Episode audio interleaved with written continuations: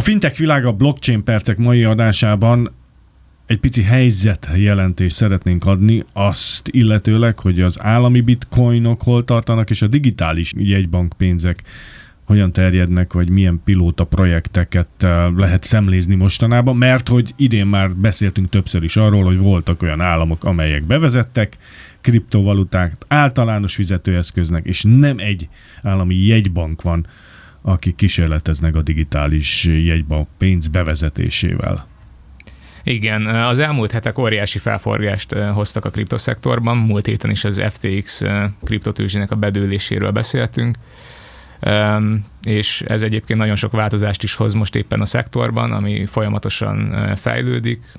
Az FTX bedőlése több milliárd dolláros veszteséget okozott rengeteg felhasználónak, kriptovalutákat vásároló vállalatnak és szervezetnek, partner, partnercégeknek, valamint még azoknak a befektetőknek is, akik magát a kriptotősdét üzemeltető céget pénzelték. Miután múlt héten végigvettük a történetet, érdemes most egy másik kérdést is érintenünk a kriptoszektorban, hogy állnak a különböző országok projektjei.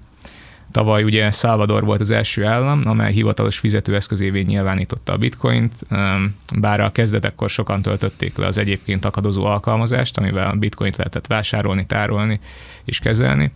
Ezt főleg egy 30 dollár értékű bitcoin ajándékért tették, és amint ezt a 30 dollárt elköltötték, többet nem is nyúltak a tárcájukhoz, többet nem is nyúltak a bitcoinhoz, a tárca szolgáltatáson túl az ATM infrastruktúrával is gondok voltak, az emberek nem tudtak hol bitcoint szerezni, nem tudták, hogy hol kezeljék őket megfelelően. Technikai problémák esetén a nemzeti segélyvonal gyakran nem is volt elérhető, így a kérdéseikre is csak nehezen kaptak választ a lakosok. A híres call center világ. Igen, igen és a bitcoin volatilitása mellett sem lehet elsiklani. Egyes vállalkozók például már nem is fogadják el a kriptovalutát, meg már egy csomó ideje nem teszik, ugyanis nem tudnak olyan árazást kialakítani, amelyel megérné biztosítani a fizetési lehetőséget. Viszont amellett, hogy a lakosság körében népszerűtlen az állami bitcoin, még az ország is sokat vesztett rajta Szálvadorban. A legmagasabb árfolyamhoz képest az ország 60 millió dollárt veszített a bitcoin befektetésein emellett még a bevezetés egyéb költségei is elérték a 375 millió dollárt. Tehát jelentős összegeket, nyilván egy ország életében nem feltétlenül a legnagyobbakat, de jelentős összegeket bele kellett befektetni, és végeredményben egy olyan rendszer van, amit nem is használnak. Salvador mellett áprilisban a Közép-Afrikai Köztársaság lett a második ország, amely a bitcoint hivatalosan is pénzként akarta kezelni egy ideig. A projekt viszont már az elejétől szürreális volt. Egyrészt a közép-afrikai köztársaság az egyik legszegényebb ország a világon, a legnagyobb probléma a bitcoinos terveivel pedig az is volt, hogy a lakosságnak a töredéke rendelkezik csak internet hozzáféréssel, ez 2019-ben csupán 5% volt, valamint az elektromos hálózat lefedettsége is nagyon rossz, így pedig nehéz egy elektronikus alapú fizetőeszközt használni az országban bármire is. Nehéz is követni egyébként, hogy hogy áll éppen a projekt. Az áprilisi első híresztelések után júliusban jött a hír, hogy felfüggesztik a bitcoin bevezetését. Az ország az afrikai valuta közösségi frankot használja egyébként, amivel egy több országot felügyelő szervezet alá tartoznak, több afrikai ország használja ezt a valutát és ez a felügyelő szervezet nem ismerte el a bitcoin bevezetését, mivel az a meglévő szabályozás fényében értelmezhetetlen.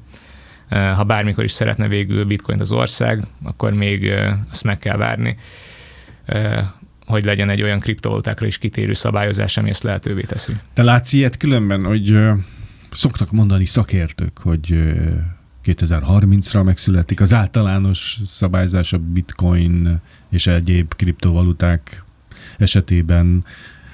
Összeültek-e már a világ pénzügyi vezetői, hogy egy globális standardet létrehozzanak? Folyamatosan alakulnak a Agyalnak, szabályozások. Magyarul? Hát Európában nemrég fogadtak el az Európai Unióban egy szabályozási törvényjavaslatot, ez a MIKA, ez pedig a kriptovaluta kereskedésre megy rá legfőképpen. És Amerikában is nagyon fontos ez a kérdés, főleg úgy, hogy ott digitális jegy, jegybankpénz kísérletek is folynak, de amellett meg kell regulázniuk magát a kriptovaluta kereskedést is, ami nem állami. Még mindig a közép-afrikai köztársaság kapcsán a hírrel egy időben, hogy felfüggesztik a bitcoin bevezetést, egy teljesen új állami kriptovalutát is bemutattak, a Sango Coint, Ez viszont nem egy általános fizetőeszköz volt. A Sangócoinnal állampolgárságot is lehetett szerezni, ha megfelelően nagy az ember befektetése, valamint telket is lehetett vásárolni.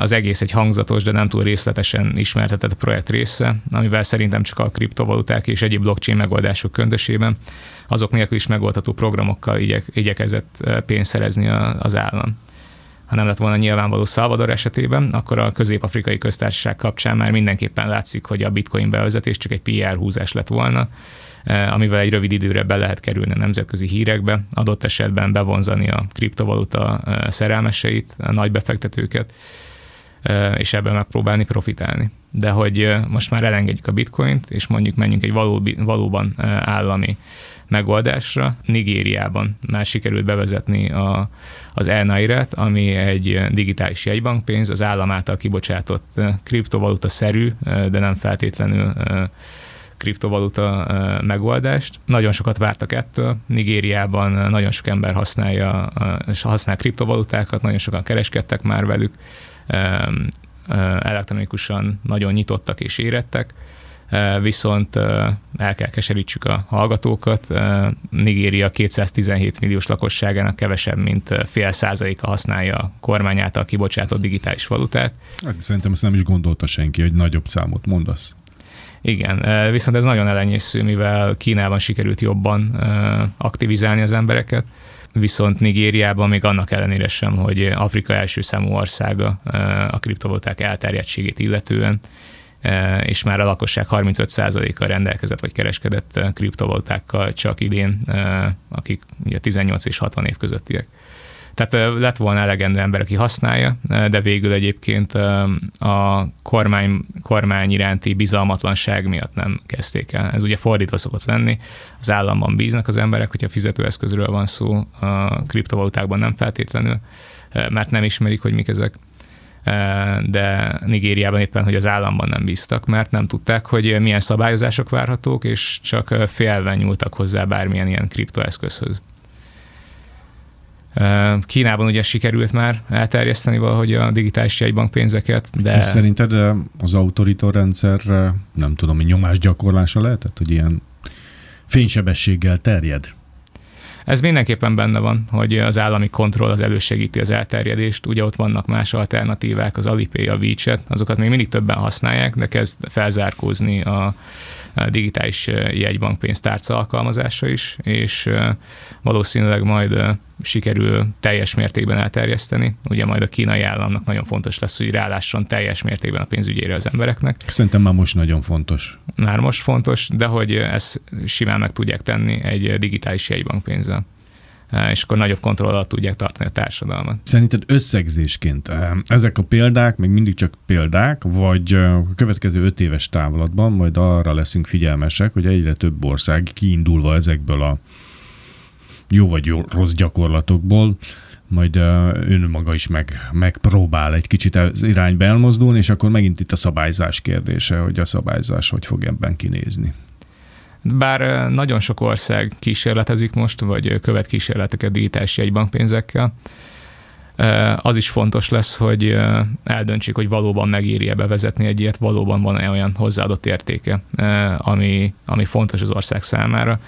Vegyük például Magyarországot, tehát nálunk van egy azonnali fizetési rendszer, tehát a digitális jegybankpénz azonnali fizetés az csak egy bizonyos összeghatár fölött jönne be. Az online kasszával rendelkező boltokban lehet elektronikusan fizetni. A lakosság nagyon nagy részének van bankszámlája, vagy közvetlenül, vagy közvetetten van hozzáférése és emellett a másik nagy előnye a digitális jegybankpénzeknek a gazdaságélénkítés, a célzott gazdaságélénkítés. Arra van egy kafetéria szépkártya program, amivel vendéglátósokat, szabadidősöket, szabadidő tevékenységet biztosító szolgáltatókat mindenkit meg lehet találni. Igaz, hogy ezek mind lehetnének fejlettebbek, viszont lehet, hogyha például a Magyar Nemzeti Bank ránéz a digitális jegybankpénzek területére, akkor nem, azt, nem egy olyan problémát lát, amit azonnal orvosolni kell, és azonnal meg kell oldani. Dani, nagyon szépen köszönöm, hogy ezen a héten is befáradtál hozzánk. Én azt kérem, hogy akkor jövő héten gyere megint csak, és jó egészséget, jó munkát, és nagyon szép hetet kívánok nektek. Szép hetet kívánok!